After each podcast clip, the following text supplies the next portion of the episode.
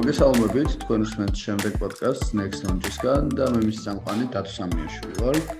დღეს ვისაუბრებთ სოციალურ ქსელზე, TikTok-ზე, რომელმაც იდეაში შეიძლება უკეთ ამამად ითქვას, რომ მთელი მსოფლიო დაიპყრო და ეს მოახერხა სულ მალე, სულ ცოტა ხანში, უბრალოდ აა ძალიან საინტერესოა თვითონ ის ფაქტიც, რომ თავიდან სოციალურ ქსელს ის გიგანტები, რომლებიც იყვნენ ბაზარზე, სერიოზულად არც აღიქვამდნენ, თუმცა ძალიან მალე TikTok-მა რევოლუცია მოახდინა.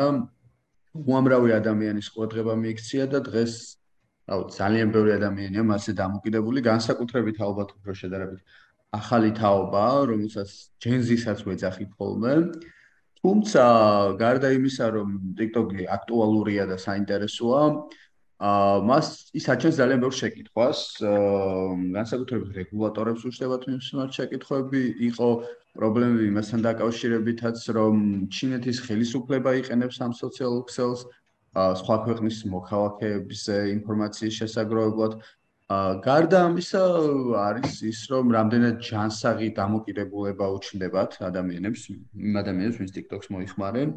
და ამასთან დაკავშირებით ცოტა ხნის წინ სენატში ესე ვთქვათ, ამ TikTok-ის გენერალური დირექტორი დაკითხვის სახით მოუწყვეს და რაღაც გარკვეულ კითხვებს უშავდნენ, რომელსაც აა ეს ადამიანი ცდილობდა გაეცა პასუხი, თუმცა სენატორები საკმაოდ გაღიზიანებულები ჩანდნენ. მოკლედ, ბევრი აღარ გამიგზელდეს, მიუსამები ჩვენს დღევანდელ სტუმარს, თორნიკე კიკნაძეს, Nexonjis სამეცნიერო და ტექნოლოგიური მიმართულების ჟურნალისტს, რომელიც ამ ხრივ საკმაოდ გარკვეულია და მინდა რომ თორნიკემ უფრო კარგად აგვიხსნას თუ რა ხდება ამ ხრივ ზოგადად. აა რატომ როგორ გახდა TikTok-ი ესეთი პოპულარული ესე სწრაფად? და რაც თავარია რამდენად საშიშია ზოგადად ეს სოციალური ქსელი საერთოდ რა უნდათ რეგულატორებს მისგან? გამარჯობა თორნიკე როგორ ხარ? გამარჯობა გამარჯობა. კარგად თავად. მეც ამიშოვს აი რაღაც ამ TikTok-ის თემაზე რო უყურებდი რაღაც ერთ თვის წინ იყო მე მგონი დაახლოებით ხო ეს რაღაც სენატში რო შეკითხებს უსვავდნენ და ხო და ნუ რაღაც ძალიან ისეთი იყო რა საინტერესო იყო. ერთია რომ მე პირადად არ ვარ ამ TikTok-ის მომხმარებელი შემიძლია ვთქვა აა და უფრო რაღაც აი გარედამგროვებელი ვარ ამ შემთხვევაში. და მაინტერესებს რა ხდება რა მოკლედ და შევიცი რომ ამ საკითხებში უფრო გარკვეული ხარ და ამიტომაც მომინდა რომ შენთან მესაუბრა ამ თემაზე რა. და ალბათ დავიწყოთ იმით თუ საერთოდ როგორ გამოჩნდა ეს TikTok-ი და როგორ მოახერხა რომ ესე უცებ გამختارიყო პოპულარული და მე როგორც ვიცი ანუ ეგაა ძალიან საინტერესო თავიდან მისმა უკვე ამ წამს კონკურენტებმა თავიდან სერიოზულად არც აღიკვეს ხო და მე მოხდა უცებ ბუმი ამ TikTok-ის და და ამაზე მინდა რომ ვისაუბროთ დღეს.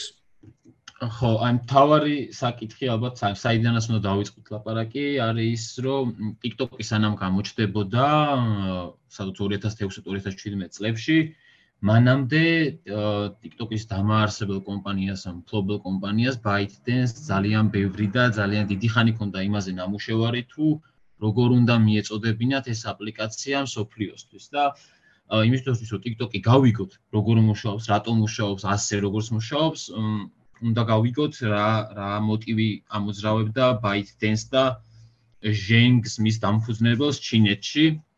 რაც არის ძალიან საინტერესო ჩემი აზრით, იმიტომ რომ ჩინეთის ბაზარი ძალიან დიდია და ძალიან ჩაკეტილი და ყველაფერი მაქიდან იწყება. იმიტომ რომ ჩვენ ვიცით, რომ ჩინეთი, ჩინეთის თავისი ინტერნეტის ქსელი აქვს, World Wide Web-თან არ არიან დაკავშირებულები ისე როგორც დანარჩენი სამყარო.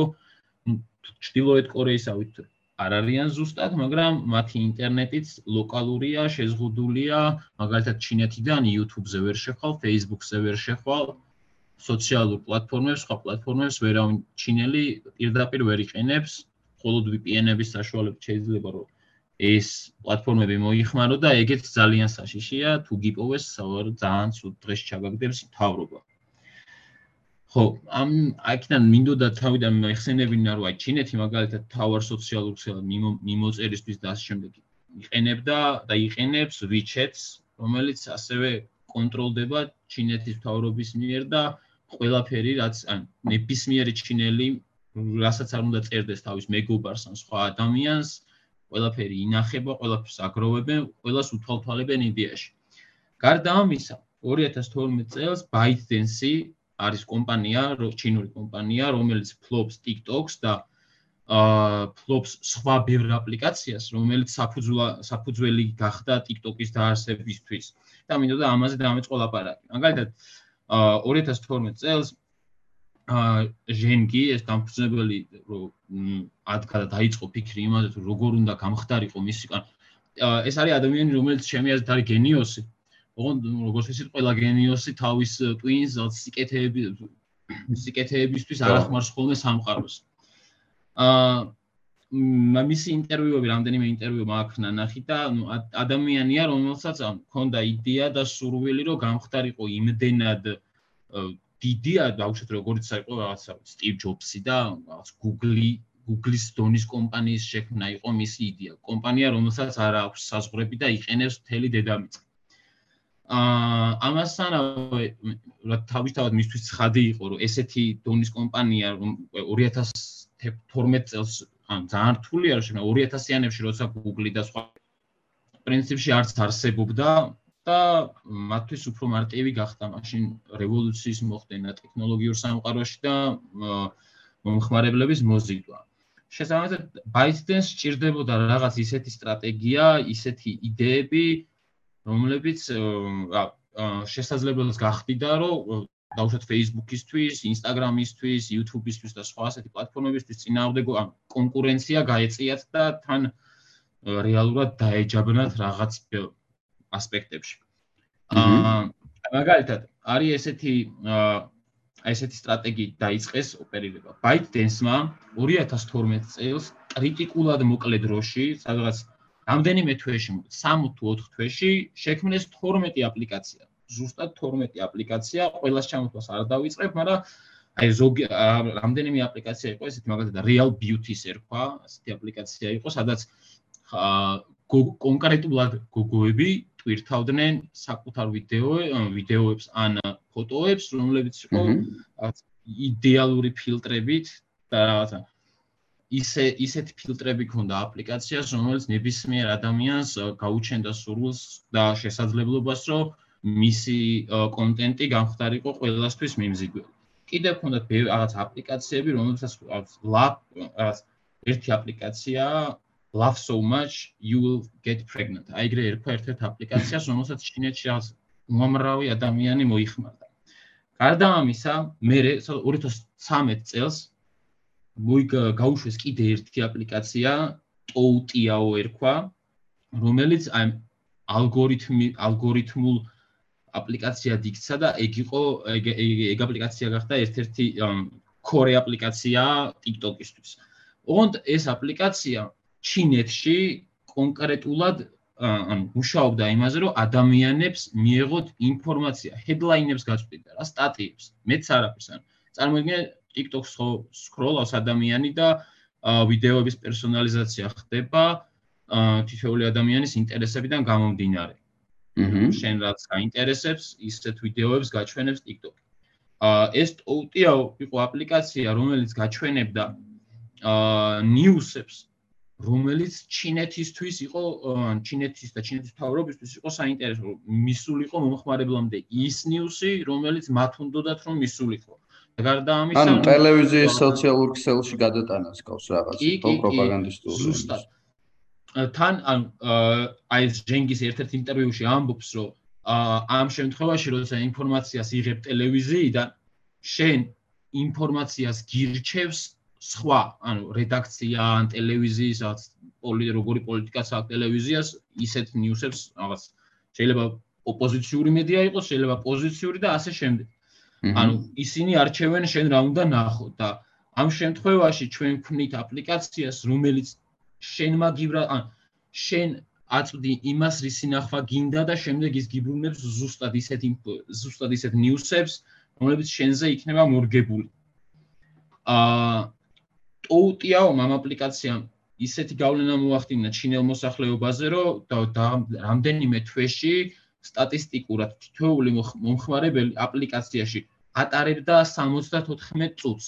ანუ წარმოიდგინე რა მხელა რიცხვია ეს, რომ დღეში ერთი ადამიანი საათზე მეტს ხარჯავდეს მხოლოდ და მხოლოდ ნიუსების კითხვაში. ეგეთი რაღაც არ მგონია რომ საქართველოსში ძალიან ბევრი ადამიანი იყოს ეგეთი, ვინც დღეში 1 საათი ნიუსებს კითხულობს ტექსტურს. ძალიან რაღაც საკმაოდ ისეთი რიცხვია. თან ბეჭდავი ხო ეგეთი რაღაცისთვის. ჩვენ სტატიებს მაგალითად ბევრი ხალხი კითხულობს, დიდხანს ჭირდებიან სტატიაზე, მაგრამ არ ამგონია ერთი კონკრეტული next-ზე 1 საათზე მეტი შემოდიოდეს დღის განმავლობაში ზიან საიტზე. აა ხო, ეს ეს ყველაფერი ამ 12 12 აპლიკაციიდან შეგროვებული ინფორმაციით TikTok-მა, ან TikTok ეს ეს 12 აპლიკაცია გახდა საფუძველი, როგორც უკვე აღნიშნე.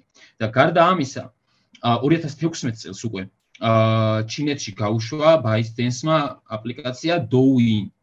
ეს Douyin დღემდე არსებობს და დღემდე აი ჩინა რო დაგუგლო Douyin ამოგიდებს TikTok-ს ზუსტად TikTok-ის ლოგოთი, ყველანაირი TikTok-ის ფუნქციით, ჩვენ ზუსტად TikTok-ია, ოღონდ სხვა სახელი ქვია.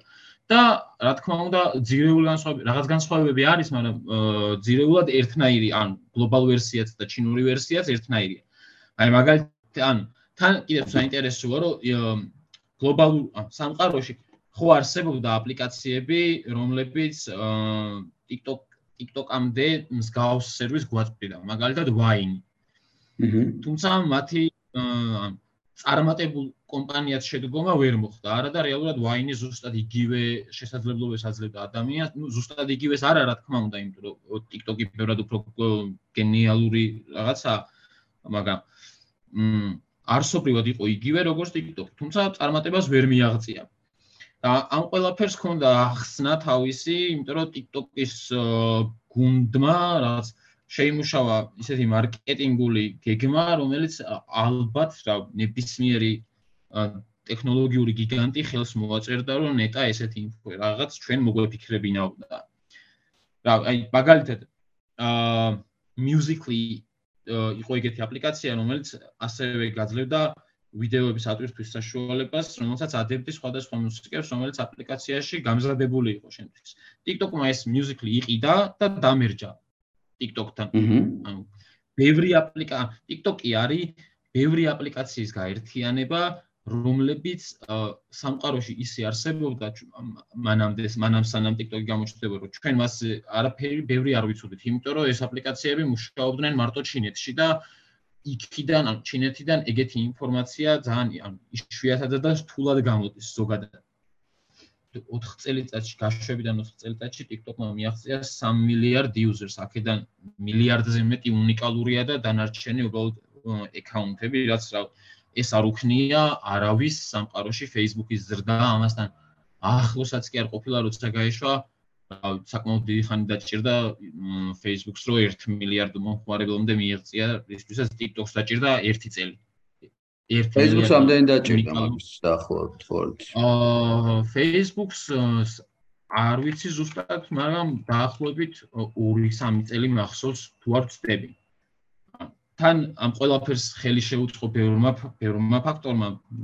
გაშვებიდან მერე კორონა დაიწყო, რამაც ძალიან შეუწყო ხელი TikTok-ის ზრდას, ალბათ რასაც თვითონ არ ელოდნენ, ეგ იყო TikTok-ის ზრდაში გარდამტეხი მომენტი.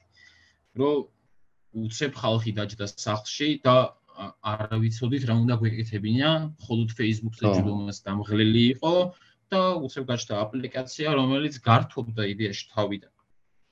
ანუ უყურებდი ვიდეოებს, რომლებიც შენზე იყო მოგებული და ამან ძალიან აი რა იყო რეალურად რა იყო რეალურად ის რევოლუციური, რასაც მიაგნო TikTok-მა და რითაც შემოვარდა უცებ აი რა შეგვიძლია მაგაზე. აა ჩემი აზრით ეგ თავარი რაც TikTok-ს ქონდა, იყო არის ალგორითმი. TikTok-ის ალგორითმი არის ისეთი, როგორც როგორი ალგორითმი არ აქვს არავის დღემდე. აი მაგალითად TikTok-ის მე ანუ სხვა სოციალურ მაქსელებმა ხო ცადეს და დღემდე ცდილობენ რომ კონკურენცია შექმნან მაგ ბაზარზე და ეს ალგორითმი რო ასეთი გენიალურია არის ერთადად იმის დამსახურება რომ აა ByteDance-მა 2012 წლიდან დღემდე შეიძინა თითქმის უამრავი AI სტარტაპი, რომელიც ჩინეთში გაჩნდა ამ პერიოდში, შეიძინა სხვა AI კომპანიები, რომლებიც გლობალურ ბაზარზე ოპერირებდნენ. ა მათი თან თან კომპანიებს როგორ ყიდულობდნენ, ისე თანამშრომლებიანა მიყავდათ, ყველა არავის არ უშვებდნენ ტვინებს, ტვინებს უფრთხილდებიან რა. სერიოზული ტვინები ჭირდება და ამას აფასებენ ძალიან მაგრა. გარდა ამისა, იგივე ვაინი რო ახსენე, წეგან ვაინს ქონდა კრიტიკული შეცდომები მარკეტინგში, მაგალითად აა ვაინმა ვერ შეინარჩუნა სტარები, რომლებიც თავ ან ვიდეოებს ტვირთავდნენ პლატფორმაზე, იმიტომ რომ ვაინმა ვერ მისცა ხალხს საშუალება ხო, ინფლუენსერებს ვერ მისცა საშუალება, რომ ამ აპლიკაციით ეშოვათ ფული, რაც ალბათ ნებისმიერი ადამიანისთვის ან მონეტიზაციის საშუალებას არ იძლეოდა ვაინი და ამან დააკარგვინა მომხმარებლების კრიტიკული რაოდენობა. მომხმარებლების და ინფლუენსერების, რომლებიც ასეთ აპლიკაციას რეალურად სასიცოცხლოდ ჭირდება. და TikTok-მა ეს ყველაფერი დაგეგმა ძალიან ძალიან კარგად. თან ისე ან კი ბაზარზე აგრესიულად შემოვიდნენ, თუმცა ეს ამ აგრესიულ შემოსვლას მანამდე წინ უძღოდა საკმაოდ დიდი საფუძველი ჰქონდათ იმისა, რომ აპლიკაცია არ ჩამოშლოდა თავზე და ხალხი არ გაქცეოდა და ამაზე ნაფიქრი იყო დაახლოებით 4 წელი მუშაობდნენ იმაზე, რომ გლობალზე გასულიყვნენ ისე, რომ ეს ყველაფერი მიეწოდებინათ უკვე მთელი დედამიწის მოსახლეობისთვის იდეალურად. აი მაგალითად, აა TikTok-ი რო გაჩნდა, აა TikTok-ს არც კი უცდია, რომ თავისი ვიდეოები ყოფილიყო უნიკალური TikTok-ისთვის. პირველი რაც გააკეთეს იყო ის, რომ TikTok ვიდეოების გაზიარება იყო უმარტივესი სხვა პლატფორმებზე. წარმოიდგინე, აა Instagram-ზე ან Facebook-ზე ხვდება ვიდეოები, ან რომლებიც არის რეალურად TikTok-ზე გაკეთებული. მაგრამ შენ Facebook-ზე უყურებ. შეიძლება შენ TikTok-ი გადმოწერილი არც გააქვს მობილურში, მაგრამ იცი რომ ესეთი აპლიკაცია არსებობს, იმიტომ რომ TikTok-ის ნებისმიერ ვიდეოს watermark-ი მოყვება, ყველა ვიდეოს ყველა ვიდეოზე ჩანს ლოგო და ჩანს სახელი. ეს ფაქტობრივად იყო უფასო რეკლამა მათთვის. Facebook-ზე სადაც უკვე 3 3 მილიარდ მილიარდამდე მომხმარებელი იყო 2 მილიარდამდე ახლობით ხალხმა დაიწყო TikTok-ის ვიდეოების ატვირთვა რომლებიც ყველა ადამიანმა არსებობს აპლიკაცია რომელიც ასეთი ვიდეოების გაკეთების საშუალებას და მერე მათ გაზიარებას ძალიან მარტივად იძლევა ამასთანავე კომპანიამ ძალიან ბევრი ძალიან ბევრი fake account-ი ჰქონდა Twitter-ში გაკეთებული account-ები რომლებითაც სხვა სხვადასხვა სოციალურ ქსელში TikTok-ის ვიდეოებს აზიარებდნენ. მეტი და მეტი არაფერი არ დასჭირვებიათ რეალურად იმისთვის რომ ხალხს ხალხასიურად გაეცნო აპლიკაცია. მმ რაც შეეხება ფასიან რეკლამებს, რასაც სხვა პლატფორმებზე ანთავსებდნენ. ამაში ძალიან ტვინი ძალიან კარგად გამოიყენეს იდეალური სტრატეგია დასახეს.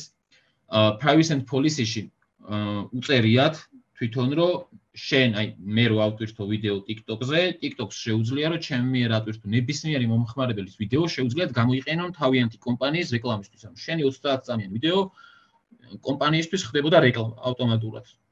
მოეწონათ რა უშვეთ რაღაც ვიდეო, აიღეს, გამოიყენეს რეკლამად და გაუშვეს YouTube-ზე, გაუშვეს Facebook-ზე. და როგორც ვიცი 2017 18 წლებში, ანუ როცა ფეხს იყიდებდნენ 17 წელს უფრო ყოველდღიურად რეკლამაში ხარჯავდნენ 30 მილიონს სხვა პლატფორმებზე. წარმოიდგინეთ, ძალიან დიდი რიცხვია 30 მილიონი დოლარი ყოველ დღე იმისთვის, რომ შენი რეკლამა ჩანდეს YouTube-ზე და Facebook-ზე და Instagram-ზე და ასე შემდეგ, ან Twitter-ზე.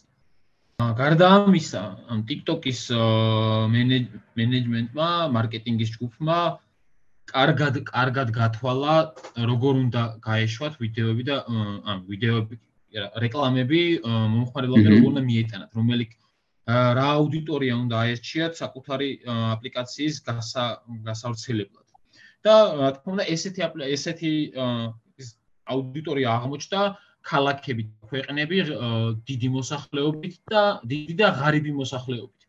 რაც ანუ იდეაში ტარგეტებად აიღეს ინდოეთის ქალაქები დასაწყისში რომ ნიგერია რაღაც კი აი პაკისტანი, ინდოეთი, ავღანეთი, ასეთ ქვეყნებში უშვებდნენ რეკლამას და ასხავდნენ კოლოსალურ ფულს. აი როგორც აღნიშნე წერა, რაღაც დღეში 30 მილიონი დოლარის რეკლამა იყო გაშვებული მთელ მსოფლიოში ყოველ ამ რამდენიმე ქვეყანაში ვინც მაგათთვის სამიზნე აუდიტორია აიყონ. დაბალი CPM-ით არჩევდნენ ქალაქებს. CPM-ი მარკეტინგული ტერმინია. რატო ესე? აა რატო და ინდოეთში ღარიბ ქალაქში, სადაც მოსახლეობა შეიძლება იყოს 50 მილიონი, რეკლამის გაშვება გიჯდება იაფი. ამერიკაში რეკლამა რო გაუშვა, ბევრად გაცილებით უფრო ძვირია შენი თავის გაპიარება ამერიკაში, ვიდრე ინდოეთში. და ძალიან მარტივი სქემა რეალურად. გარდა ამისა, თავარი მოხარებლების მოზიდვაა, ხო? ამ შემთხვევაში იყო თავიდან. კი, რა თქმა უნდა, თავარი თავარი თავარია ასეთი ამ სოციალური მედიებისთვის თავარია რომ შენთან რომ მოდის მე დამკვეთი უკვე რო აი შენ პლატფორმაზე მე მინდა უკვე რომ შენ შენ პლატფორმაზე გავარეკლამო ჩემი ბიზნესი მე ვაკვირდები იმას რამდენი მომხმარებელი ყავს აპლიკაციას ჯამში და არა იმას ვინ და საიდან ძირითადად თავარია რომ ვიღაცას რო ეუბნები რომ აი ჩემ აპლიკაციას მოიხმარს დღეში 1 მილიარდი ადამიანი აღარ ეწებს იმის წვევას ამ აპლიკაციის მომხმარებელი უმეტესად ამერიკიდანაა თუ გერმანიიდან თუ ინდოეთიდან. შენ ან შენ პროდუქტს მაინც ძალიან ბევრი ადამიანი ნახავს და საბოლოოდ გირჩევნია რომ მილიონობით ადამიანმა ნახოს და მე კიდე უფრო გავრცელდეს ვიდრე ის რომ 10000-მა ამერიკელმა ნახოს და მე დაივიწყოს. უყურე, ანუ ეხა ეგ გასაგებია, ანუ თავიდან რეალურად ეხა ეს ლაპარაკობ, ეგ გასაგებია, აგრესიული მარკეტინგის გამოდის რაღაც დონეზე, დიდი თანხის ჩადება გამოდის ალგორითმი რომელიც მარტივად სწავლობს ხო ალბათ უფრო ვიდრე სხვა სოციალურების მაგას გულისხმობ. და ნუ აი იდეა ალბათ ეს კონცეფცია ეს პატარა ვიდეოების ეგეც ალბათ ხო იმიტომ რომ ეხა ვხედავთ რომ Facebook-ს კი დაამატა Instagram-ს დაამატა და ნუ Instagram აი მე მაგალითად ამიტომ TikTok-ს ანუ აი იმას გულ აქტიურად ვიტყვი რომ ანუ საერთოდ ვერ დავმოღამე რა. ანუ არც მივეცი ალბათ დიდად შანსი რომ თავი მოეწონებინა ჩემთვის, მაგრამ გულისხმობ დამუღებებს იმას, რომ რომ შევედი ამ TikTok-ში, ან ძალიან დაუღალე რა, ან ალბათ მალევე ვერ მიხვდა, არ ვიცი, ჩემ შემთხვევაში რა კონტენტი უნდა მოეწოდებინა. Instagram-ის რილები TikTok-ისგან განსხვავებით დამუღამებული მაქვს და რო შევდივარ რა, ანუ აი მართლა რა ინტერესებიც მაქვს, მაგას მიგდებს რა, ანუ ახლა რა ვიცი, ანუ ძირითადად არის უფრო რაღაც შემეცნებითი რაღაცეები ხოლმე, პატარა ნაწყვეტები რა, რაც მე ვფიქრობ ხოლმე, რომ მე მე შემიძლია ვაკეთო ქართულად თქო და რეალურად ეგ მადგება რა. და აი TikTok-ში ისეთ ნაგავს თავაზობ და თავიდან შევედი, რომ აი მეთქი აი თუ ძმა ხარ, ხა ვერ და თავიდან როცა შედიხარ აი ეგ რა ეგ რატო აიცი ეგრე ქართულ ტიპებს მთავაზობდა, არ ვიცი, აი ვიღაც ტიპი არის ერთი, არ ვიცი რა ქვია, რაღაც ლოკაციის მიხედვით და რაღაცეებით. იწყებს თავიდან, მაგრამ აი დაახლოებით 3-4 დღე აქტიურად რო სკროლო TikTok-ი, აი მე გაგაოცებს რა, ისეთ ის ხო და აი ეგ ვერ გავაკეთე, აი ვიდეოებს რო ხო, ანუ შენ გასაგებია, იმიტომ რომ თავიდანვე ვერ შეგითხრია მაგიდიამ და მაგ ვიდეოების სკროლვამ, თორე ადამიანები, ანუ რეალური პრობლემები იწყება მაქედან. ხო, ანუ რეალურად ანუ საწყის ეტაპზე მთავარია რომ რამდენიმე დღე გაკაჩო, რომ ეს სკროლო და მე უკვე იმდენად შენზე მორგებული ხდება, რომ პირიქით აი შეუძლებელია რომ არ მოგეწონოს. აი მე მაგალითად აა ვიყენებ ხოლმე TikTok-ს დაანიშვიათ, მაგრამ რადგან დიდი ხანია აპლიკაცია მაქვს ამ გადმოწერილი მაქვს, მაგრამ ეხა იცის რომ აი TikTok-ს რო ხსნი, კონკრეტულად მიგდებს 3-4 ტიპის ვიდეოებს, რომლებიც მე მაინტერესებს. არის ტექ რევიუერების ვიდეოები, არის ცხოველების ვიდეოები, კატები და ძაღლები და არის სხვადასხვა ქვეყნის პროტესტები. საფრანგეთის აქციები, გერმანიის აქციები, ანუ მეც მაქსიმუმ რაღაცის გარდა თითქმის სხვა ჟანრის ვიდეოები აღარ მხვდება. გარდა იმაცა, რაც ლაივებში არის ხალხი, ისინი ნებისმიერ ადამიანთან ვარდება და საშინელებებია ხოლმე. და აი ეს ყველაფერი, აი მოზარდებისთვის და რაღაც ისეთი ისეთ ქვეყნებში სადაც უფრო უფრო მეტად მოიხმარენ ტელეფონს და სოციალურ ქსელებს მაგალითად ამერიკაში ბევრად უფრო დიდია ეგ ეგეთი რიცხვი უფრო დიდია მაგალითად ინდოეთში და ღარიბ ქვეყნებში. საქართველოს მაინც აი ჩვენი ჩვენი ბაზარი რო აიღო და რო შეხედო როგორ ხმარობს ხალხი აა მაინც რაღაც აი მაგხრივაც ცოტა უკან ვართ შეიძლება ნაკლები ედიქტი ყვავდეს TikTok-ზე, ვიდრე ეყოლება სხვა 3 მილიონიან ქვეყანასთან რაღაც ეგრეა. რატომღაც ეგრეა. თელი პრობლემა TikTok-ის არის ის, რომ attention span-ს რასაც ვარ ქმნით, ანუ გაფანტულობას უქმნის ადამიანებს. ბავშვები ან მოზარდია Gen Z როა იყო, რომელიც TikTok-ზე რაღაც საათობით დროს ხარჯავს დღეში. მე იმ ბავშვებისთვის ძალიან ძნელი, რაღაც ინფორმაციას რო აწვდი, ან ელაპარაკები პირადად საუბარში როცა ხვდები ადამიანს და ესაუბრები, ვატყობ ხოლმე რომ რაღაც 30 წამის წუთნახევრის მერე გონების გაფანტვა თუ ეწება და იგივე თემაზე საუბარი უკვე აღარ უნდა, აი შემიძლია დავასკვნა რომ აი ეს ადამიანი TikTok-ზე ედიქტია. ანუ აღარ შეუძლიათ დაждდნენ და ერთი და იგივე რაღაცა აკეთონ დიდხანს მაგალითად, შეგი 1 საათი უყურო გრძელ ვიდეოს მაგალითად, რაც YouTube-ზე, რავი, YouTube-ის მომხმარებლებისთვის ახალი არა, რომ შეიძლება რაღაც რომელიმე იუთუბერის ინფორმაციული ვიდეო აიღო 1 საათიანი დაჭდე და უყურო. ან დაჭდე და უყურო რაღაც ჯოროგანის პოდკასტს. ან მოусმინო ჩვენ პოდკასტს TikTok-ზე. ან ან ამგონია რომ TikTok-ის TikTok-ის მომხმარება ედიქტმა TikTok ედიქტმა აი ეგ შედორს რა ვეღარ ახერხებენ და სერიოზული ანუ შენ რეალოდ ეხა რასაც ამბობ ეგ არის ნეირონულ დონეზე რაღაც დონეზე ცვლილება ხო ადამიანის ანუ როდესაც კონცენტრაციას ვეღარ ახდენ და რაღაცა მუდმივად რაღაცას ცვლიისო კი 20 აი ყოველ 30 წამში და 1 წუთში ერთხელ გინდა რომ უკვე ახალი კონტენტი, ახალი ინფორმაცია მიიღო, იმიტომ რომ შენი ტვინი ეგრეა მოწყობილი რომ ბევრი და სწრაფსტრაფად ბევრი-ბევრი რაღაცის ნახვა გინდება. მე და ეს უფრო უფრო და უფრო ჩანთრევი ხდება თან. ამოძახილი ხო არ არის რეალურად ეგ იმ ეპოქის რომელშიც ცხოვრობთ სიტყვაზე დაჩქარებული ინფორმაცია რომელიც მუდმივად იცვლება რაღაც დონეზე ეგეც ხო არ არის თქო მაგას რომ აა იცი რა სავარაუდოდ კი ანუ ჩვენ ახლა იმდენად სტრაფ სტრაფ სტრაფად ცხოვრობთ სტრაფი სტრაფ დროებაში ვართ რომ ყოველას გვინდა რომ ყოველას გვინდა რომ რაღაც კონკრეტული ინფორმაციის მისაღებად ნაკლები დრო დავხარჯოთ. თუმცა რაღაც ოქროს შუალედს ხო იცავ აი მაგალითად შენ თუ რაღაც თემა გაინტერესებს კონკრეტული და გინდა რომ ამ თემაზე რაღაც ინფორმაცია გაიგო აა არადგები და წუთნახევრიანი ვიდეოს ყურებით არ შემოიფარგლები ხო? კი. იმ ანუ და არც არც არის რეალურად საკმარისი რომ რაღაცასთან დაკავშირებით ამ ამ ქრონომეტრაჟში ინფორმაცია სრული ინფორმაცია მიიღო. ვინც აკეთებს კრეატორების ვიდეოების შემქმნელებიც ცდილობენ რომ მაქსიმალურად ლაკონურად მოკლე დროში რაღაცა ჩაატიონ და შესაბამისად ბევრი რაღაც იკარგება ხოლმე მე რა თუნდაც რავი ტექ რევიუერები ვინც არიან მაგალითად TikTok-ზე აი YouTube-ზე რო უყურებ იგივე ადამიანის ვიდეოს, შეიძლება ძალიან კარგი განხილვა კონდეს რაღაც კონკრეტული პროდუქტის და საინტერესოც იყოს, მაგრამ იგივე პროდუქტის ვიდეო როცა უდევს TikTok-ზე, საერთოდ სხვანაირი კუთხით განახებს იმ პროდუქტს. 30 წამში უნდა მოასწროს, რავი, მთელი პროდუქტის გაცნობა შენ შენზე და აა ხო რა, აი წარმოიდგინე შენ თუ ნახე რაღაც პროდუქტის განხილვა, რომელიც 30 წამში ჩაატია ტიპმა, რატო ადგები და მე იგივე ვიდეოს იგივე პროდუქტის განხილვას უყურებ 20 წუთიანს ან 25 წუთიანს ან რაღაც ნახევარ საათიანს YouTube-ზე.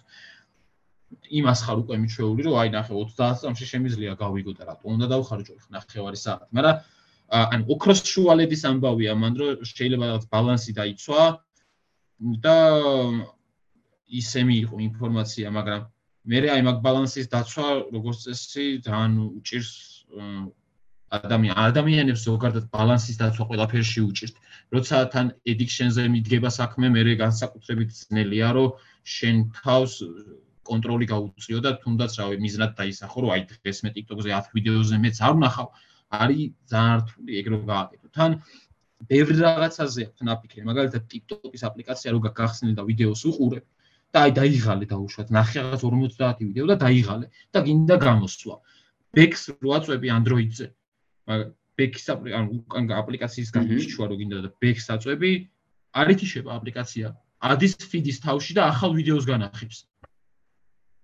და ერთგვარი ლუპი იქნება. ძალიან ბევრი ვიცი რომ აი თიშავ და რეალურად კი არ თიშავს იმან ფიდი დაურეფრეშა და ხელახლა იწყებს სკროლვას ორჯერ ორჯერ უნდა დააკლიკო ბექსრო აპლიკაციიდან გამოხვიდე. ეგ ეგეც გათვლილი. ყველა ყველა ეგეთი დეტალი არის იდეალურად გათვლილი იმისთვის, რომ ადამიანი მაქსიმალურად დამოკიდებული გახდეს აი ამ ვიდეოების ნახვაზე რა. თან ანუ აი მარკეტინგის ჯგუფზე რო ლაპარაკობდით წეღან.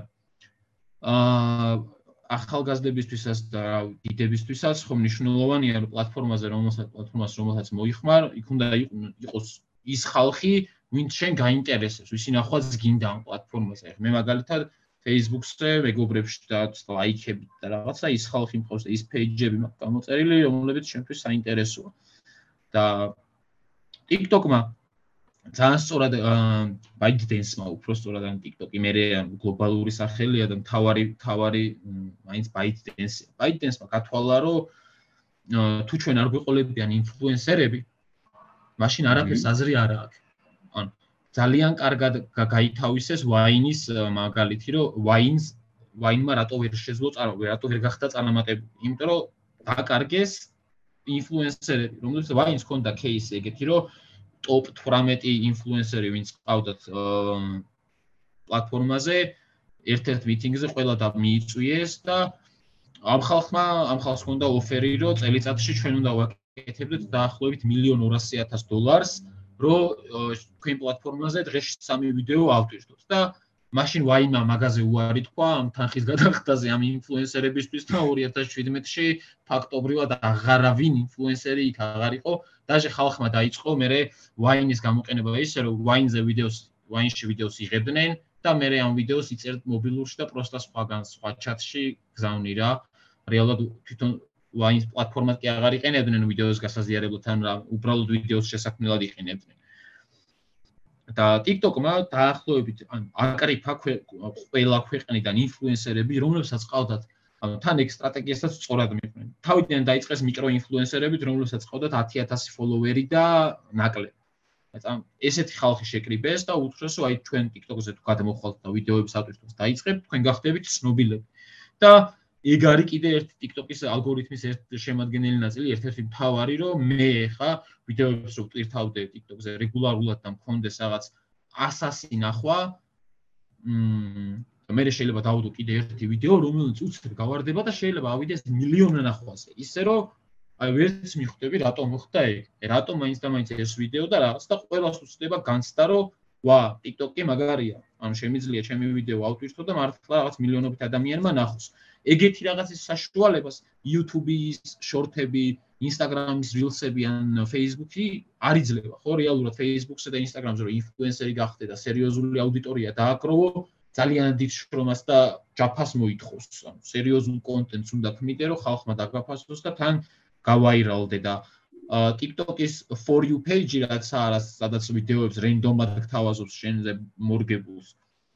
You-ზე შეიძლება გამოგიჩნდეს ნებისმიერი მომხმარებლის ვიდეო, აი თან ძალიან ძალიან ხშირად ხდება, აი ჩვენ ახლა მაგალითად next-ის TikTok-ები ხო გვაქვს და ყავს რეგულარული viewer-ები, რომ ჩვენი ვიდეოები ძალიან ბევრ ნახვებზე ატის, მაგრამ აი ჩემი ვიდეოების მე რაც გადამიღია ჩვენთვის, next-ისთვის, ყოფილა შემთხვევა, რომ 9 მილიონ ლაიქზე ასულა. ანუ ეხო კოლოსალური რიცხვია, სადაც აი სულ რო რავი, მთელი ჩემი ენერგია რო ჩავანთხიო Facebook-ზე ვიდეოების ტვირთვა რო დავიწყო Reels-ებად და Instagram-ზე, ალბათ 9 მილიონი ლაიქი არ მექნება არასდროს. შეუძლებელია. აი, რა, ხალხი თუ არ გაფოლოვებს, ან subscriber-ი თუ არ ყავს YouTube-ზე, 9 მილიონი ლაიქზე და ნახვაზე ხო ვერანაირად ვერ ახო. TikTok-ი მაგის საშუალებას იძლევა და ეგეც ამ addiction-ს ზრდის, რომ ჩემი ვიდეო თუ მილიონმა კაცმა ნახა, მე იქ ვიდეოების გადაღებას აღარ შევწყვეტ არასდროს. თუნდაც მე დანარჩენი ვიდეოები ისევ 1000 1000 მაკაცმა ნახოს. გარდა ამისა, ანუ შენ რო შექსვას მაღაზიას მუშაობს ამ გარდა იმისა რომ კი, კი, კი, თავისთავად ეგ არის თავარი, რომ არ უნდა დაკარგო, ანუ კრეატორები, შემქმნელები ვიდეოების არ უნდა დაიკარგონ, იმიტომ რომ თუ არ არის კონტენტი, რომელსაც ადამიანები უყურებენ, ეს ეს ბიზნესი ინგრევა, ისე როგორც დაინგრა ვაინი. და მაგრამ რა არის? ხო ეს თვითონ ანუ ერთია რომ ნახვა არის ბევრი ეხა აი ჩვენ TikTok-ში შევედი ეხა მაგალითად აი მარიამის რაღაც ვიდეოებს საერთოდ აქვს 500000 ნახვა ზოგს. ეს აი შენს არის შენი არის მაგალითად 250000 მაგრამ ლაიქებია ძალიან ბევრი რაც თავარია კი კი ლაიქებია ძალიან ბევრი. ანუ ხალხი ალაიქებს ანუ ეგ ეგაა ძალიან საინტერესო ხალხი კომენტარები აჰა 2200 რაღაცა კომენტარი მაგალითად არა და არა და მაგ ნახევარი მილიონი დამლაიქებლიდან რო კითხო ნებისმიერს რომ იცით ორნიკი კიკნაძე ვინა გეტყვის რომ არა წარმოდგენა არა მაგ ვინა. და YouTube-ზე როუტერში ვიდეოს ნახევარი მილიონი subscriber-ი. თუ ყავს YouTube-ზე, იმ ნახევარი მილიონიდან ყველა მიცის ვინ ხარ და რას აკეთებ. ზუსტად, აი ეგ მინდოდა მე თქვა, ხო, იგივე Facebook-ზე რომ ვიღაცები ნახევარ მილიონ ადამიანი შენ ვიდეო ნახოს, როგორი სელებრიტი ხარ, ხო ხვდები ხ საქართველოში და აქ იმენა ვიღაცა გნახავს და რაღაც იმას ავითხრა რა მოგისვრია გამოგიხენებენ წამი და არავის აღარ აინტერესებს. ანუ ჩვეულებრივ no name ადამიანებს შეუძლიათ რომ უცებ გაუჩინონ განცდა რომ ისინი არიან ზე პოპულარულები და ხო აი მეც ეხლა ამ ჩვენ ვიდეოებზე სულ მიკვირს ხოლმე რომ აი ვინდა ინტერესდა ეხლა ჩემი ნახვით და მოსმენით რა მილიონი კაცი რა რანაირად შეიძლება და გამოინახოს თან საქართველოს აუ ქართული აუდიტორია გიყურებს სულ. ფაქტორი იმიტომ რომ ლოკალიზებულია რაღაცა ქართულად ტვირთად ქართულად საუბრობ არ ქონია ესეთი შემთხვევა ისე ვიღაცას რო ეთქვა სო TikTok-ებს ნახულობ და უცხო ტიპს ან რაღაც უცხოს არასდროს აი მეგობრებს გთხოვსო კი აი შენი ტიკტოკი შეგხვედრია მაგრამ უცხოს აი არასდროს. ეგეთ შეხვედრა არ მქონია ვაფშე. აი ძალიან უცნაურია ხო? წარმოიდგინე ხო. რამდენი ადამიანია დედამიწაზე აი რომელიც სახში ზის რაღაც გარკვეული რაღაც პრობლემები აქვს ფსიქოლოგიური ან ისე რაღაც დეპრესია აქვს ისა ესა აქვს სახში ზიან ვიდეოებს იღებენ და მათ ვიდეოებს კოლოსალური ნახვები აქვს. ანუ ეს ამას ამის მეტი არაფერი არ არის საჭირო, რომ ადამიანი დამოკიდებული გახადო შენ პლატფორმაზე ისე რომ რავი თავი ვეღარ დააღწიოს ვერასდროს. მე აი ეხლა ინფლუენსერებზე რო ლაპარაკობთ 10000 ფოლოვერი ან ინფლუენსერები რომ მოიზიდეს, მე უკვე ფული რაღაც ფულის ტრიალი დაიწყო კომპანიაში გაჩნდა. ან თავიდან ბაიტენს TikTok-ს ამუშავებ და რავი რაღაც რაღაც პერიოდი წაგებაზეც მუშაობდითო როგორც იძახიან, ანუ იმიტომ რომ აა ფულ ანუ სანამ სხვა კომპანიები TikTok-ის გამოყენებას დაიწყებდნენ თავიანთი რეკლამებისთვის, TikTok-ი იმდენ ფულს ხარჯავდა თავისივე რეკლამაზე, რომ ფაქტობრივად მოგება არ ქონდა. მაგრამ როგორც აღმოჩნდა, სწორი უქნიათ, იმიტომ რომ საბოლოოდ ისეთ შედეგი დადეს, რომ დღეს ყველა რაღაც კოლოსალურ თანხებზე ასული კომპანია. მე ანუ როცა უკვე ეს მიკროინფლუენსერები დგავს ეს პლატფორმა, დაიწყეს სერიოზული ინფლუენსერების მოზიდვაც. და მილიონ subscriber-იანი ტიპი შეიძლება აიყვანათ, ეთქვათ, რომ აი შენ დაგვიდე პლატფორმაზე რაც ორი ვიდეო კვირაში და გადაგიხდით, აი ქეშად გიხდით ამდენ ფულს. და ესეც აი ისეთი ის გახდა, რა ვთქვი, ტრენდული, რომ შეიძლება ნელ-ნელა კი რა ძალიან სწრაფად დაიწყო, რომ ჰოლივუდის სტარები გამოჩნდნენ TikTok-ზე, ვიღაცები გამოჩნდნენ. ამ აი ეგეთი ისტორია აქვს ერთ ერთ სტატიაში წავიკითხე ამ ჟენგის ამ დამფუძნებლის ის იყო რა ქვია კომენტარი ისევ რომ რაც რომელიღაც სამუშაო დღეს ძალიან ისე დამწუხებულები ვისხედით որ მთელი ოფისი რომ რაღაც შენელებულია ზრდა ჩვენი პროდუქტის და უცებ ხდება ეგეთი რაღაც რომ არნოლდ შვარცნეგერი TikTok-ზე ვიდეოს პირთავს ისე რომ ჩვენ არც კი შევხმიანებდი ვართ რა თავისით გაიგო და უცებ ესეთი რაღაც ხდება და აი მანდ მივხვდით, რომ რეალურად ჩვენი ჩვენი დრო დგებოდაო რა. ისეთი ისეთი ისეთ მაგალითად დაიწყო გამოყენება უკვე რომ всё, ის იყო რაღაც ბუმი, რომ всё, ან ჩვენ ესე იგი სწორ გზას ვადგავართ და ის უნდა გავაგრძელოთ, რასაც ვაკეთებთ. Wall Street Journal-ს კონდა სტატია, რომ რაღაც კონკრეტულ ინფლუენსერებს ვიღაცებს სახელებს არასახელებ და ვოსტით ჟურნალი, მაგრამ დაახლოებით მილიონ მილიონ დოლარს უხდიდნენ ქეშად, რომ პროსტა ერთ თითო-თითო ვიდეო მაინც აეტვირთად. და სადაც კვირაში ერთხელ ან რაღაც ეგრე. თან რა არის, იცი, გათვლა რაზე კონდეთ კიდე, აი, ყველაფერზე რო ნაფიქრია რა, რა რითი უნდა მიიზიდო ადამიანი თავიდან რომ ვიდეოების კეთება დაიწყოს ხშირად. აი, რატო რითი გახდა TikTok-ი ცნობილი და რითი რატომ იიზიდა ამოდენი ხალხი. რას აკეთებს TikTok-ის უმეტესობა? როგორია ვიდეოები, აი მაგალითად. ცეკვა ხო, რაღაც ცეკვები, ჩელენჯები, რა აის ბაკეტ ჩელენჯი რო იყო, ხო გახსოვს? აის ბაკეტ ჩელენჯის შესახებ გაიგო მაგ ნანახი სხვა დასხების და აი ეგეთი ჩელენჯი ფიქრეს, ჩვენ თუ შევქმნით ჩელენჯებს, ისეთ ჩელენჯებს, რომლის გამებმა შექმნეს, რა რაღაც მოიფიქრეს ათასობით ჩელენჯი, რომლებიც თვითონვე ან ვიღაცებზე დაკვეთით უნდა აიტვირთათ და მე ამას ჩვეულებრივი მომხმარებლები გაიმეორებდნენ აუცილებლად. ალბათ მარტივი ფსიქოლოგია ალბათ ადამიანის რო ეგეთი რაღაც გაკეთება გინდა რომ რა ვიცი 1 ლიტრი წყალს დავლევ აბა და შენც თუ დალევ და მე შეიძლება ეს გადაიღოს რაღაც 10000ობით ადამიანმა ერთ და ერთნაირი ვიდეო აი ცეკვის ჩელენჯებით მაგალითად ეგაა მეტი არაფერი ხო? ერთი ერთი ვიღაც ატვირთავს რაღაც ახალი ტრენდია მოდი აბა ესე თუ იცეკვებ და მე ასობით მილიონი ადამიანი ერთი და იგივე ცეკვას ცეკვას ერთი კვირა. სანამ ახალი ტრენდი არ გაჩნდება და რაღაც ას. თან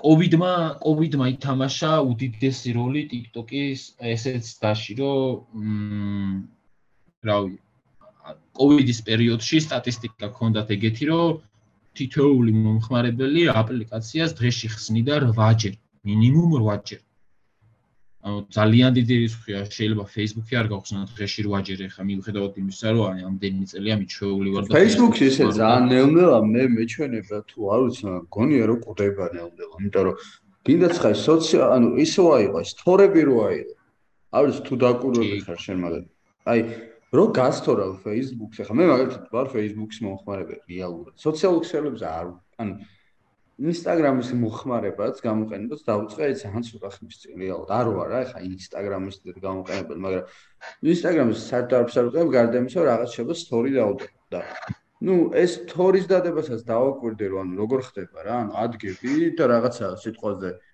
აა რაღაცას გასთორავ და ეს მომენტია რომ ანუ სწორი ინსტაგრამზე სტორავ და ფეისბუქზე ფეისბუქზე მყავს რა ვიცი მე ანუ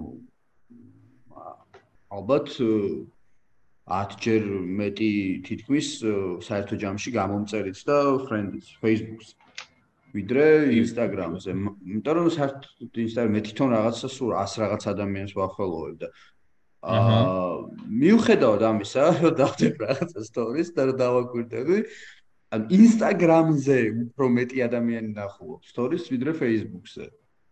ანუ ეს რას ნიშნავს წარმოიდგინე თუ პირობითად Instagram-ზე ყავს 300 გამომწერი და Facebook-ზე საერთო ჯამში ყავს 3000 გამომწერი, Instagram-ზე მაინც მეტი ნახულობს შენ stories. ან ეს ალბათ ნიშნავს იმას, რომ Facebook-ის story-ები უბრალოდ არ მუშაობს.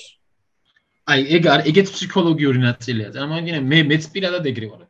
აი, Facebook-ზე, Facebook-ს რო ხსნი, Facebook-ზე არასდროს არც ერთი ადამიანის stories არ ვნახულობ, მაგრამ Instagram-ზე, Instagram-ზე ხშირად შევდივარ კი, კი. და Instagram-ზე ხშირად შევდივარ მარტო იმიტომ, რომ სტორები ვნახო. ანუ ხშირად კი არა, Instagram-ზე თითქმის მარტო მაგიტო შევდივარ, რომ ადამიანების სტორები ვნახო. Instagram-ის პოსტებს არასდროს არ ვსკროლავ ხოლმე. feed-ს არასდროს არ ვსკროლავ. და ეგრეა უამრავი მე feed-ი, ბაზარი არა. Instagram-ის feed-ი არასდროს ჩემსკროლს, არც. და ძალიან საინტერესო დეტალია ეგ, ანუ თან ვერ ამუღამებს ხოლმე ხალხი მაგას და რეალურად ეგრე. Instagram-ზე შედიხარ, იმიტომ რომ სტორები ვნახო ხალხის. ალბათ იმიტომ რომ Instagram-დან დაიწყო მე როგორც მახსოვს სტორები ჯერ Instagram-ზე იყო და მე გავუკეთეს ინტეგრაცია Facebook-საც.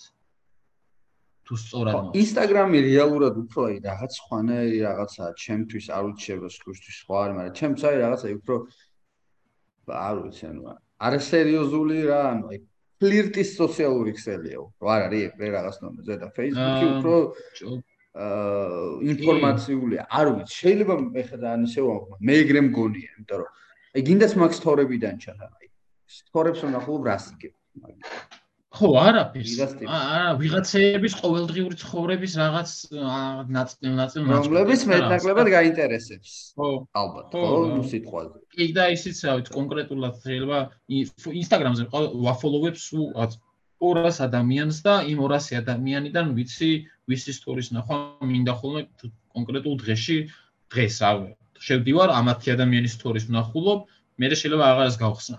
და Facebook-ს საერთოდ სხვა კუთხით ვიყენე Facebook-ი ხა საქართველოს მით უმეტეს ჩვენთვის ინფორმაციის მიღების პირველი წყაროა Twitter-ს ჩვენ არ ვიყენებთ და Facebook-ის feed-ს იმიტომ სკროლავ ხოლმე რომ რა ქვეყანაში რამე ხდება გავიგო Instagram-ს არ ვსკროლავ მაგიტო რომ ინფორმაციას Instagram-იდან არ ვიღებ.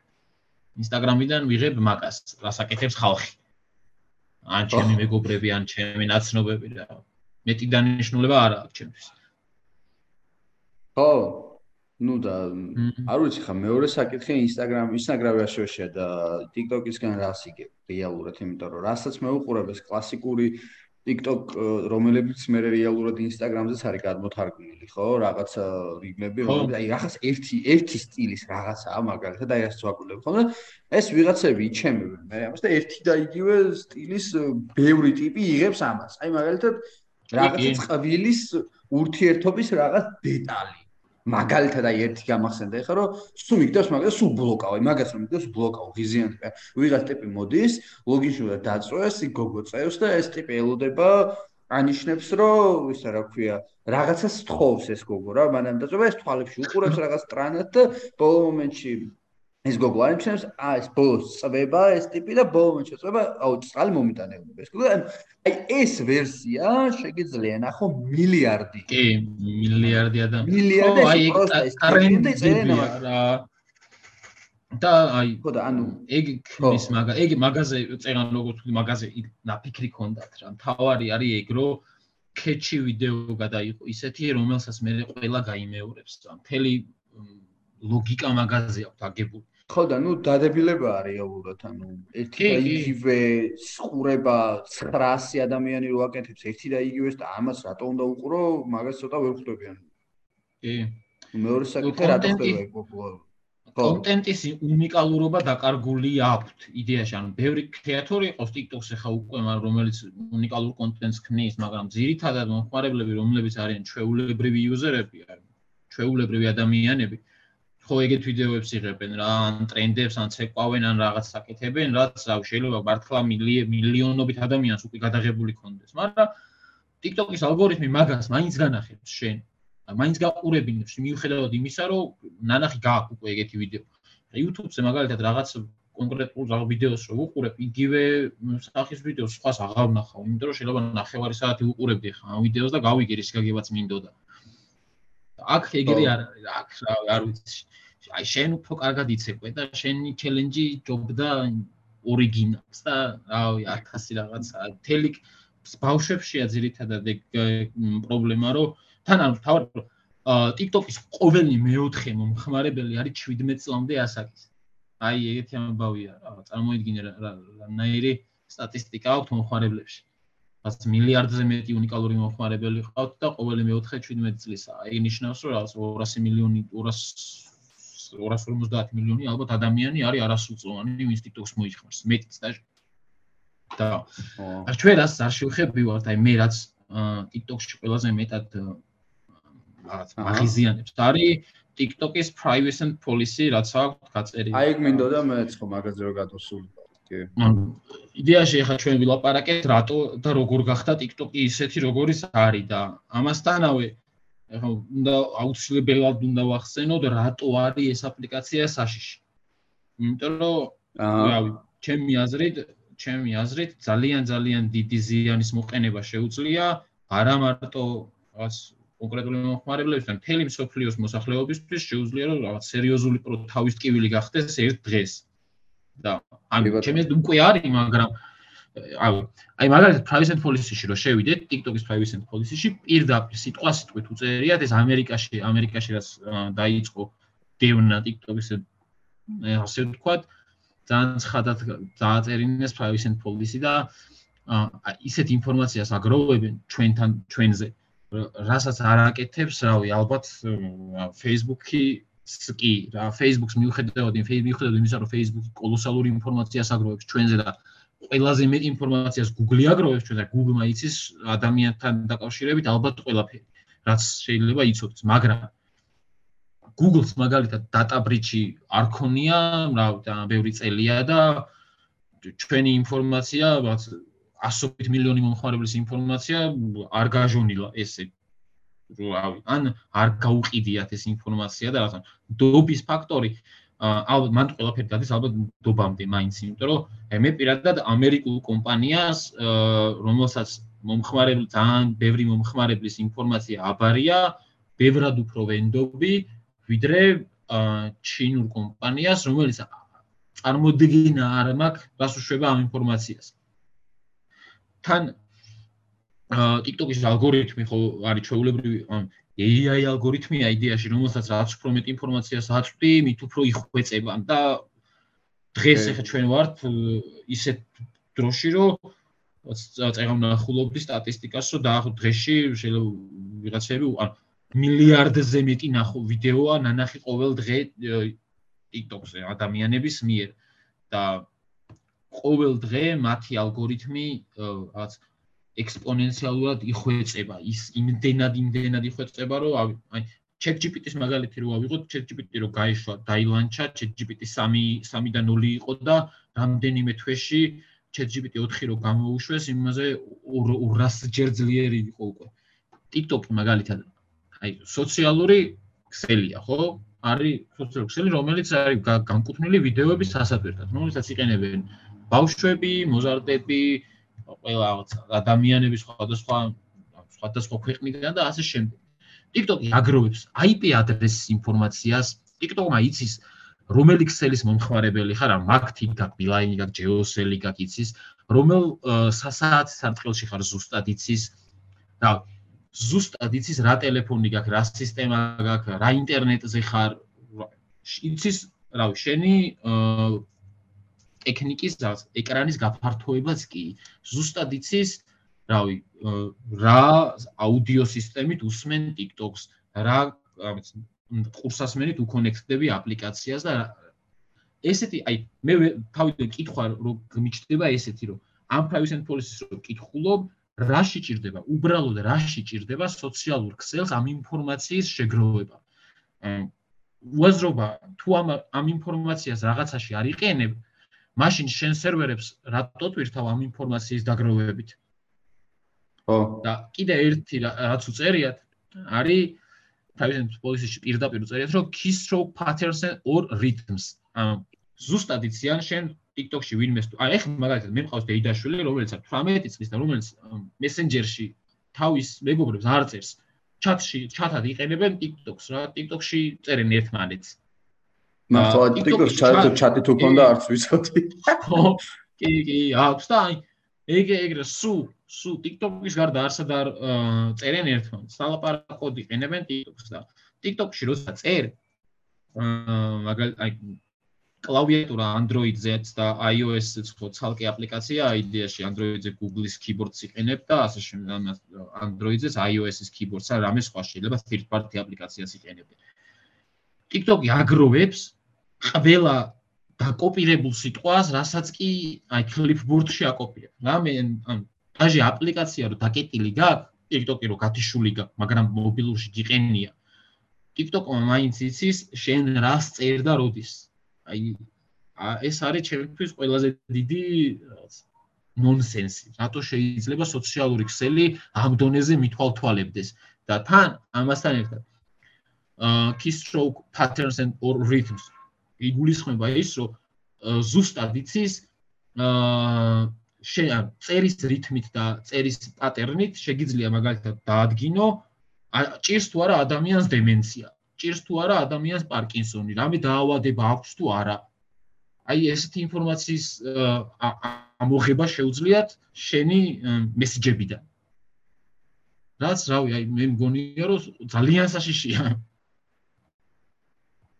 Ну რა სახით შეიძლება გამოიყენო სიტყვაზე აი არ ვიცი წარმოიდგინე ან ჩვენთვის არ არის იმდენად საშიში ალბათ იმიტომ რომ საქართველოსი არ არ მგონია აინტერესებდეს ჩინეთს მაგრამ აი ამერიკის მოსახლეობა ა ძალიან მნიშვნელოვანი ჩინეთისთვის. ჩინეთმა თუ ზუსტად იცის ამერიკის მოსახლეობის რა ვიცი რა რაოდენობის ადამიანს შეიძლება რაღაც კონკრეტული დაავადება. ხო, ამ სტატისტიკისთვის არის საინტერესო, ხო, მაგრამ სტატისტიკისთვის საინტერესოა. მე ამ ამ ადამიანებზე თითოეული ადამიანის ეგი კონკრეტული რაღაცეები თუ იცი, ეგეთ დონეზე თუ იცი მისი პირადი ცხოვრების დეტალები, ხო შეიძლება რომ ყველა სხვა მე შენი სამომავლო სტრატეგია ძალიან სწორად ისე დასახო რომ კიდე უფრო ჩააჭირო კონკრეტულ ადგილებში აი აი მაგალითად TikTok-ს სკროლავ დეპრესი ან დეპრესიული ადამიანი რომელსაც ან დადასტურებულად დეპრესია აქვს TikTok-ი იწખებს მარტო აა სედ და დეპრესიული ვიდეოების ჩვენებას იმ ადამიანისთვის, რაც იმ ადამიანის მდგომარეობას კიდევ ბევრად უფრო ართულებს. ხო, მაგრამ ეგ ხო სხვა სოციალური ამ TikTok-ზე გამიგია, მაგრამ მაგას შეგამოთებს სხვა სოციალური ქსელებიც ხო მაგას შვებარია. აა ბიჭო ხარისხს ხო გააჩნია მაგას როგორ შევა აი Facebook-ი Facebook-ზე Facebook-ი რამდენი ხანიც არ უნდა სკროლო შენ თუ რაღაც ავი ხო ნუ ეგრე არ თავაზობ პეიჯები გაქვს გამოწერილი მაინც იმ სახუმარო პეიჯებს განახეებს, გასართობ რაღაცებს, სპორტულ ნებისმიერ დროს, ნებისმიერ მომენტში შენ განახოს ისეთი ვიდეო, რომელიც შენ შენ ინტერესებზე კი არ არის მხოლოდ გათვლილი, შენ ტვინს ეხებიან უკვე პირადად რა. მაგალითად, წერან როგორც აღმოჩნდა ადამიანი თუ დეპრესიაშია და რაღაც აღხებს სუ იგივე იგივენაირ ვიდეოებს, ან პოზიტიურ ვიდეოებს, მაგალითად დეპრესიულ ადამიანს აღარ აჩვენებს და ეს მე ანუ რაღაც გარკვეულ ლუპში აქცევს ადამიანს ანუ ცუდად შეიძლება გამომიდეს მაგრამ რაღაც ჭაობში უფრო დიდ ჭაობში კითრებს ეს ყველაფერი იმიტომ რომ კი ძალიან რთულია ძალიან რთულია როცა მ ისედაც რაღაც პრობლემები გაქვს და არ შეგიძლია დაუშვათ რაღაცეების ჯანსაღად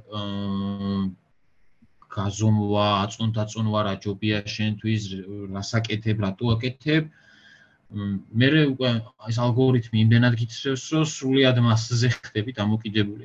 ისიც კი არ შეიძლება, რომ რაღაც კონტენტი შეაცვლებინო და მოდი ახლა შენ სხვა კონტენტი მანახე, ეგრე არა. ზუსტად იმას განახებს, რაც იმ რაც დაამუღამა შენგან და იცის რა, რომ შენ თუ აი ამ კონკრეტულ წერტილში ჩაგაჭერს, შენ კიდევ უფრო კიდევ უფრო გაგეზრდება ედიქშენი აპლიკაციაზე. კი ბატონო. სხვა მხრივ, სხვა მხრივ, აი ხა აშის მომენტი რო ავიღოთ რა, ეს აკრძალვის მომენტი რო ქონდათ და რო უნდათ რა, რამდენად გონია რომ რეალურად მოხდება ეგ აკრძალვა და რამდენად მოხდეს შენი ეს? მე ხვდები რომ შენი თქვი რომ ალბათ მოხდეს. აა მე მგონია რომ აი მე სხვათა შორის რო ვუყურე კონგრესში გამოსვლას მაგაც ძალიან ძალიან ის იყო რა მანამდე ცუკერბერგი რო ყავდათ კონგრესმენები ძალიან მოუმზადებლები იყვნენ და სასაცილო დიალოგები ჰქონდათ ჩუკერბერგთან რაცავი. არ იყო кай სანახავი და TikTok-თან შესახვედრა, TikTok-ის CEO-სთან შესახვედრა ძალიან კარგად იყვნენ მომზადებული და სხვათა შორის ეს უფრო ნათელი кейსია, რატო შეიძლება აკრძალო ქვეყანაში, იმიტომ რომ რეალურად აა გარდა იმისა, რომ აზიანებს, ტვინებს ადამიანის რეალ ვერ უწევენ მონიტორინგს პლატფორმას რა. Facebook-ს ჰქონდა დრო და სივრცე, რომ თავის რო დაიწყო გავეშვა Facebook-ი 2008 წელს ზრდასთან ერთად თანამშრომლების რაოდენობას ისე ზრდიდნენ რომ აა მოდერაცია, კონტენტის მოდერაცია ხდებოდა მეტნაკლებად სწორად. აი ეხლა Facebook-საც ძალიან სუდი სიტუაციაა იმ ხრივ რომ ბევრი false news-ი, fake-ები ვრცელდება, ძალიან ბევრი არა ნამდვილი პროფილია ტროლებს ასაც ვეძახით ჩვენ მაგათ ტროლებით აიუსო Facebook-ი და ასე შემდეგ და ეგ რეალურად ხდება იმიტომ რომ Facebook-ს ყავს უკვე რაღაც მილიარდობით მომხმარებელი და არ ადგება კომპანია და რაღაც 20000 ახალ თანამშრომელს არ აიყვანს მარტო იმისთვის რომ კონტენტის მოდერაციას მიხედონ. და TikTok-ის შემთხვევაში ეგ კიდე გაცილებით რთული იყო იმიტომ რომ კომპანიას 1 მილიარდი მომხმარებელი ყავდა ერთ წელიწადში. და რა წარმოიდგინე რამდენი თანამშრომელი უნდა აიყვანა ByteDance რომ 1 მილიარდი მომხმარებლის მიერ ატვირთული მილიარდობით ვიდეო ყველა ვიღაცას უნდა ენახა და გაეფილტრა. ეს არის ეს ხდება შეუძლებელი რა. თან აი ალგორითმი როგორ როგორ სულ რაღაცეებს შვება იცი? აი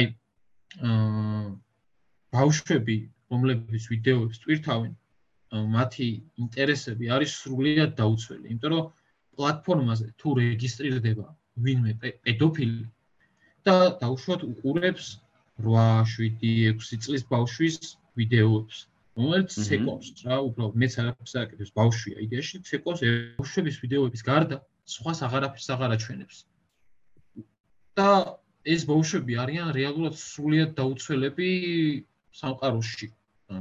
ან ბავშვი სკოლაში უნდა გაუშვა ბაღში უნდა გაუშვა ეზოში უნდა ჩავიდეს ითამაშოს რაღაც ეკნას რაღაც ხმას.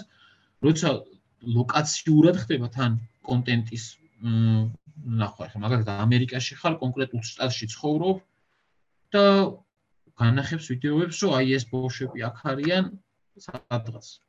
ეგ იძლია იპოვო თუ მოინდომე რავი პედოფილი თუ ხარ ან მანიაკი თუ ხარ, ავა სიგიჟეებს აკეთებს ეგეთი ხალხი, ხო, საშიშები არიან და განსაკუთრებით საშიშები ხდებიან მას შემდეგ, რაც დამატებით ინფორმაციას აწვდი კონკრეტულ პირებზე და იციან რაღაც სამიზნეების ამორჩევას გავს რა ეგ პროცესი მაგათთვის. ანუ პრედატორები არიან ძალიან ბევრი, რომლებიც ბულ აბულინგებენ ხალხს, რაღაც სხვადასხვა ან საფრთხე იქნება რეალურად იმ არასრულწლოვნებისთვის, ვინც აპლიკაციას მოიხმარს და ამ ამის უზრუნველყოფა, უსაფრთხოების უზრუნველყოფა TikTok-ს არანაირად არ შეუძლია. მეტიც არათუ არ შეუძლია პირიქით ამ საერთოდ არ შედის მაგათ ინტერესში რომ ეგაკეთო.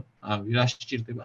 მაგათთვის თავარია რომ ალგორითმი იყოს იხვეწებოდეს და იხვეწებოდეს და სულ უფრო და უფრო მეტი ედიქტი ყავდეთ აპლიკაციაზე, აპლიკაციაში.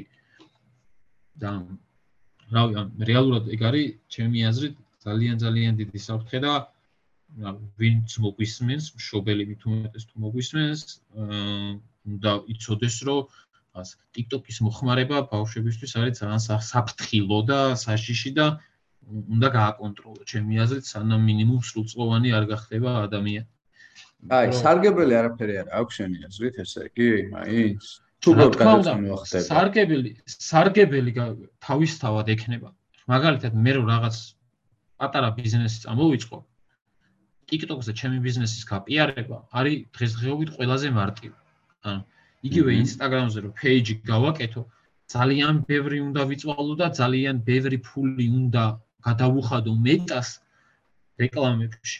რო რა ვიცი, შეიძლება 5000 ფოლოვერისთვის შეიძლება 1 წელი და 2 წელი დამჭირდეს. რაღაცა მართლა ხა სასწაული ინოვაციას არ ქმნი, რაღაც პატარა ბიზნესი თუ ხარ და რაღაცა და გაგიჭirdება ფოლოვერების დაგროვება და იგივე ერთი ვიდეო შეიძლება დადო TikTok-ზე და შენ ბიზნესზე რაღაც 9 მილიონი კაცი ნახავს, რომ აი ამას აკეთე. ეს რა თქმა უნდა ჩემი სარგებელია და კი კარგია და ეს უნდა გამოიყენო ალბათ, მაგრამ ანუ ყოველთვის ან ყოველთვის არის მეორე მხარეს ის, რომ ეს შენი ინფორმაცია, რასაც პირთავ, რასაც აკეთებ, ჩემზეც ან რასაც უნდა ვაკეთებდე, სადღაც ინახება, არ ვიცი ამ ინფორმაციას ვინ როგორ გამოიყენებს, არ ვიცი ჩემი ჩემი მიერ ან ჩვენია მოხარებლების მიერ მიწოდებული ინფორმაციით ისინი რის გაკეთებას აპირებენ. აი მაგათ ჩინეთში არის ეგეთი წესი, კანონ კანონია, რომ ჩინეთის მთავრობას ნებისმიერ დროს შეუძლია შენი კომპანია ან აპლიკაცია კონფისკაცია გაუკეთოს და მიითვისოს. და ამ გარდა ამისა ისედაც შეუძლია რომ მოთხოვნის საფუძველზე ნებისმიერი მომხმარებლის ნებისმიერი სახის ინფორმაცია გამოისყიდონ თუ გამოიწვიონ რა და TikTok-ი რო ასეთ ინფორმაციებს აგროვებს ადამიანებს აი წერან privacy policy-ზე რასაც თუ აპარაკობთ უსაფრთხო არასდროს არა ძალიან ცუთხილშია მომხდარი რეალურად. კი შეიძლება აქ საქართველოსში საქართველოს მოსახლეობით არასდროსაც დაინტერესდეს იმიტომ რომ შენ მისთვის არ ხარ სამიზნე არასდროს მაგრამ ამერიკის მოსახლეობა ჩინეთის თავრობისთვის არის პირდაპირ სამიზნე. ამერიკის მოსახლეობაზე რაც უფრო მეტი ინფორმაცია ექნება ჩინეთს ან ამერიკულ ბიზნესებზე რაც უფრო მეტი ინფორმაცია ექნება TikTok-ს.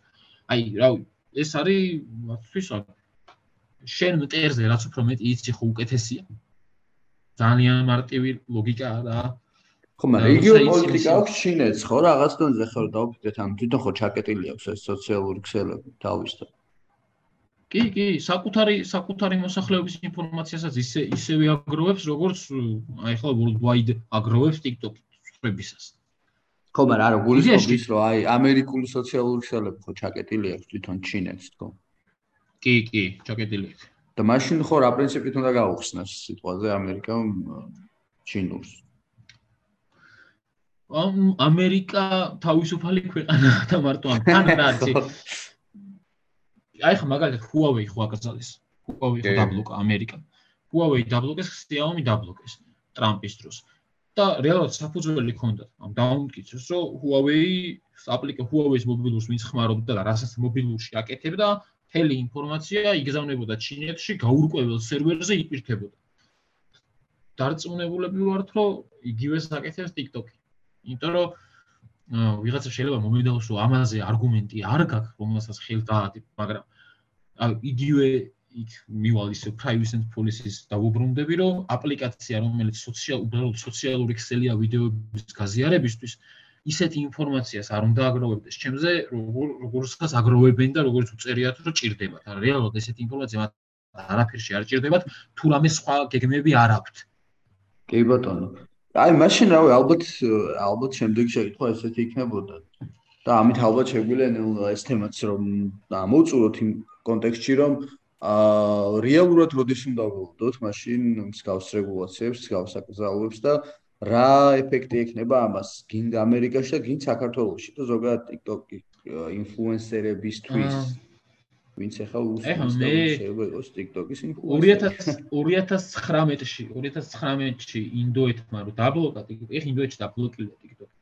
TikTok-მა დაკარგა 200 მილიონი მომხმარებელი ერთ დღეში მე ინდოეთს მიყვა პაკისტანი და პაკისტანმას დაბლოკა და იქაც დაკარგა რაღაც 20 თუ 30 მილიონი მომხმარებელი ну თვითონ TikTok-ისთვის ეგ იქნება ალბათ კატასტროფა. ამერიკაში თუ აპლიკაცია დაიბლოკა, ჩათვალე რომ გლობალური ვერსია აღარ არსებობს, იმიტომ რომ თუ ამერიკამ ეგეთი რაღაც გადაწყვიტა, მაგას აუცილებლად გაიმეორებს მე ევროკავშირიც და ევროპაშიც უნდა აიკრძალოს.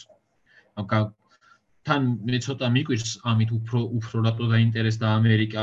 ну ალბათ იმიტომ რომ მაინც პირდაპირ საფრთხეთ აღიქოს ამერიკა, ჩინეთს და ევროპა არა, მაგრამ ადამიანები უსაფრთხოებაზე კონკრეტულად მოხარულებს უსაფრთხოებაზე ევროპაც ძალიან კარგად ზრუნავს ხოლმე და მე მგონია რომ ძალიან ცოტაა დარჩენილი იქამდე რომ TikTok-ი ან შეიცვალოს და გახდეს სხვანაირი ან აიკრძალოს სრულად. იმიტომ რომ სხვა გამოსავალი ალბათ არ ექნება ამერიკას, იმიტომ რომ კონკურენტი პროდუქტი, რომელიც რომელმაც შეიძლება TikTok-ს რაღაც რეალური კონკურენცია გაუწიოს, არ არსებობს და ალბათ ვერც შეიქმნება.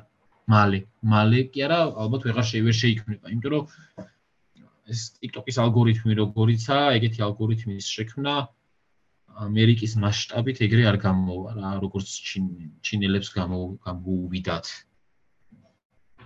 საქართველოს მე მგონია რომ ძალიან ბევრი ბიზნესი იზარალებს.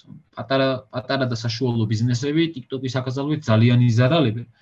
მაგრამ ну ზარალიც არის და ზარალიც გაჯობია ფსიქიკა დაზიანებული მილიონობით, ასობით მილიონი ადამიანი თუ რაღაც ბიზნესების მცირე წაგებები არ ვიცი. მე მგონია რომ მაინც ჯობია რაღაც კომპრომისზე წავიდეთ და ისე მაგ ბჭყალებში პოპულარობაზე უარი ვთქვათ, იმიტომ რომ არ ღირს ჩემი ვიდეო რო ვიღაცას ნახევარ მილიონჯერ აღნანახი იმათ რომ რაღაც 100 მილიონ ადამიანს თუნდაც დეპრესია გაუმძაფრონ ან რაიმე სხვა და სხვა პრობლემა კიდე უფრო პრობლემური გაუხადო ძალიან ძალიან ის კონტროვერსიული საკითხია იდეაში ალბათ რა მაგრამ ყველა ყველა დეტალს რო შეაჯამებ მაინც გონია რომ ეს აპლიკაცია ბევრად უფრო საზიანოა ვიდრე სასარგებლო ანუ საქართველოსდე საისახება ეს აკრძალვები ამერიკის აკრძალვა რეალურად?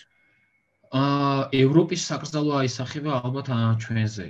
რეალურად შეგვიძლია არა არა იკრძალოს, მაგრამ ან რა არის Google-ი თუ აპლიკაციას ამოიღებს Play Store-დან და Apple ამოიღებს iOS-დან. ჩათვალე რომ საქართველოსში ვინც Android-ს და iOS-ს ხმარობს, ის ის ვეღარ გამოიყენებს. ან შეიძლება შენ ოპერირება არა უკზალო მთლად ქვეყანაში და მე რაღაც შეიძლება რომ რაღაც ინტერნეტში შეხვიდე, იპოვო APK და გადამოწერო და მაინც დააყენო ტელეფონზე, მაგრამ აა ეგ ძალიან ძალიან ართულეს პროცესა. საშუალო სტატისტიკური მომხმარებელი მაგას აღარ აკეთებს მე. დალვა ესე პირდაპირ შეიძლება არ შეგვიხოს და მით უმეტეს ჩვენი ქვეყანა ახლა მესამე მსოფლიოს ქვეყანა ვართ და ეგეთი რაღაცებით ნაკლებად ინტერესდება.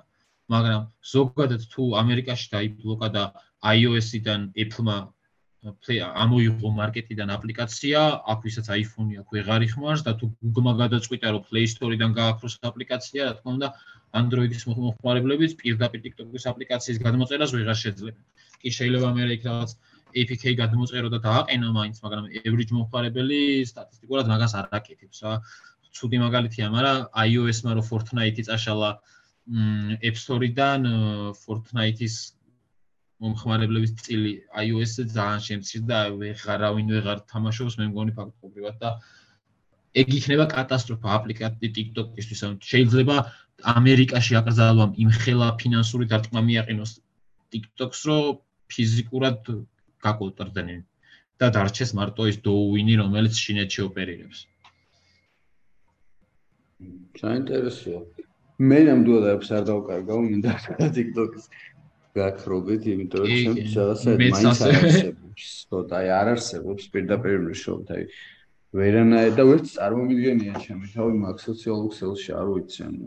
გაბა დაუბერდი, რო რატო? შენი TikTok-ები წოდებს Next-ის TikTok-ზე? TikTok-ები დევს კი და აქვს რამდენიმე 100000-ზე მეტი ნახვაც, მაგრამ ნუ ხო ეგ ერთი არა, მაგრამ მეორეა რომ აი ხო ანუ აი რომ ნახულობ ხოლმე აქვს 100000 ნახვა, აქვს რაღაცა 10000 ლაიქი და რაღაცა ასობით კომენტარი. ახლა მაგხელა რიჩი რომ მიიღოს რამე ჩემმა სტატიამ Facebook-ზე გაზიარებულმა, ხო ხვდები რომ როგორ გამიხარდება, მაგრამ მან ვერ ამბობ სერიოზულად რა. აი რაღაცნაირად დავუქო თვითონ პარალელურ სამყაროა.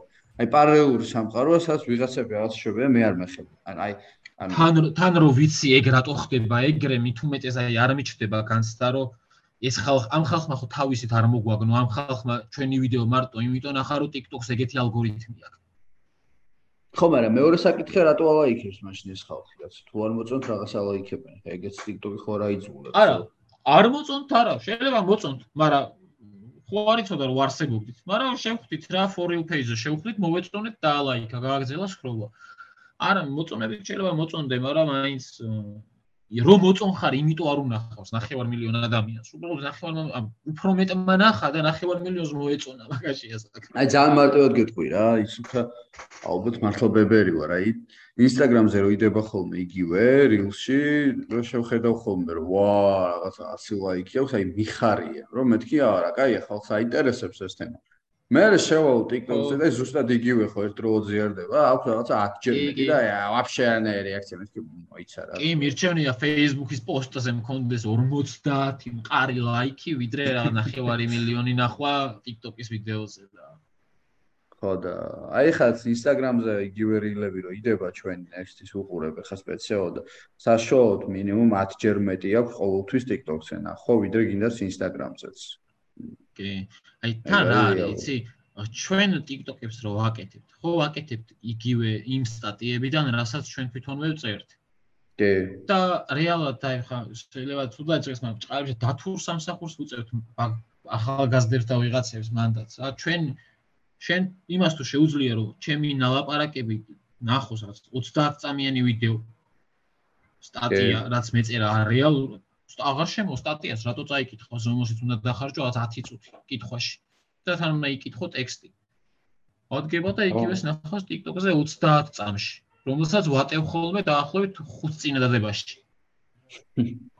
ო ეგა არ ვიცი მოკლედ.